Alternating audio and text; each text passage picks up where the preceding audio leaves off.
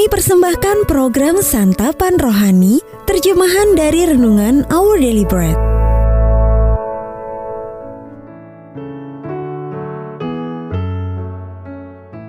Sahabat ODB, pembacaan Alkitab hari ini terambil dari 1 Korintus pasal yang kedua, ayat yang pertama sampai dengan ayat yang ke-10.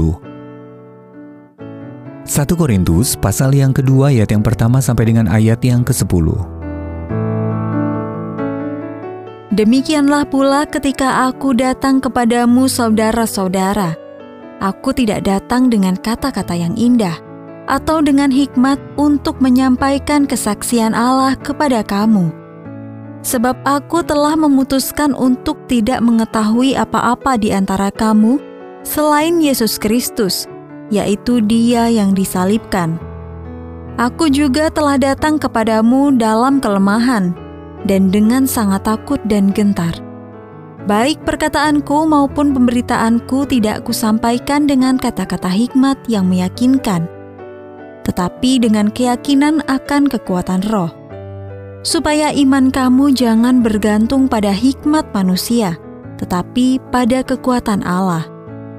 Sungguh pun demikian kami memberitakan hikmat di kalangan mereka yang telah matang, yaitu hikmat yang bukan dari dunia ini dan yang bukan dari penguasa-penguasa dunia ini, yaitu penguasa-penguasa yang akan ditiadakan tetapi yang kami beritakan ialah hikmat Allah yang tersembunyi dan rahasia, yang sebelum dunia dijadikan telah disediakan Allah bagi kemuliaan kita.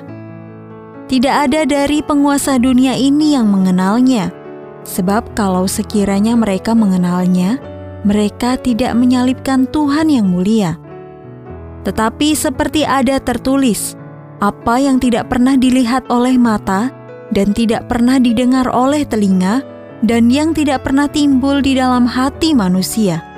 Semua yang disediakan Allah untuk mereka yang mengasihi Dia, karena kepada kita Allah telah menyatakannya oleh Roh, sebab Roh menyelidiki segala sesuatu, bahkan hal-hal yang tersembunyi dalam diri Allah. Ayat Mas Renungan hari ini terambil dari 1 Korintus pasal yang kedua ayat yang kedua.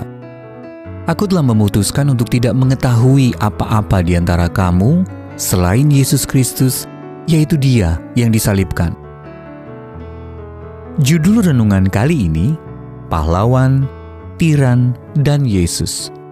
Ditulis oleh Mark Dehan.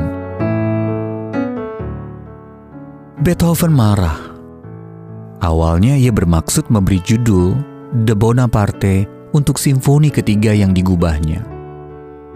Pada zaman yang marak dengan tirani agama dan politik, ia menganggap Napoleon sebagai pahlawan rakyat dan pejuang kebebasan. Namun ketika jenderal Prancis tersebut menyatakan diri sebagai kaisar, Beethoven berubah pikiran. Ia menganggap mantan pahlawannya itu brengsek dan sewenang-wenang. Ia mencoba menghapus nama Bonaparte dari kertas musiknya keras-keras sampai kertasnya berlubang. Mungkin ada dari jemaat mula-mula yang kecewa ketika harapan mereka akan terjadinya reformasi politik hancur berantakan. Yesus sempat membangkitkan harapan akan kehidupan yang bebas dari kehadiran tentara dan kesewenang-wenangan kaisar yang membebankan pajak tinggi kepada rakyat. Namun berpuluh-puluh tahun kemudian, Romawi masih saja menguasai dunia. Para rasul bergumul dengan rasa takut dan kelemahan. Sebagian muridnya malah suka berselisih dan belum dewasa. 1 Korintus pasal yang pertama ayat yang ke-11 sampai dengan 12, lalu pasal yang ketiga ayat yang pertama sampai ayat yang ketiga. Namun ada yang berbeda. Paulus melihat melampaui apa yang tidak berubah. Surat-suratnya diawali, diakhiri, dan dipenuhi dengan nama Kristus. Kristus bangkit, Kristus yang berjanji akan kembali dengan penuh kuasa, Kristus akan menghakimi segala sesuatu dan semua orang, namun yang terutama, Paulus ingin orang percaya memegang teguh makna dan implikasi dari Kristus yang disalibkan. Kasih yang diekspresikan dalam pengorbanan Yesus menjadikan dia pemimpin yang berbeda sebagai Tuhan dan Juru Selamat dunia, Kristus yang disalibkan itu mengubah segalanya. Nama Yesus akan dikenal selama-lamanya dan dipuji melebihi segala nama. Sahabat ODB mengapa Yesus berbeda dari pemimpin lainnya? Apakah Anda bisa mengikut merasakan kelemahan dan ketakutan yang dialami Paulus?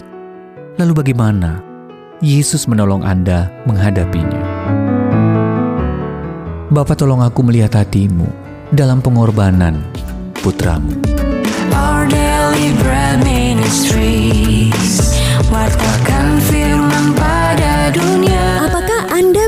mendapatkan buku renungan ini dalam bahasa Indonesia, Inggris, atau Mandarin? Atau Anda rindu mendukung pelayanan ini? Hubungi Our Bread Ministries di 021 2902 8950 WhatsApp 0878 7878 9978 Email indonesia at odb.org Tuhan Yesus memberkati.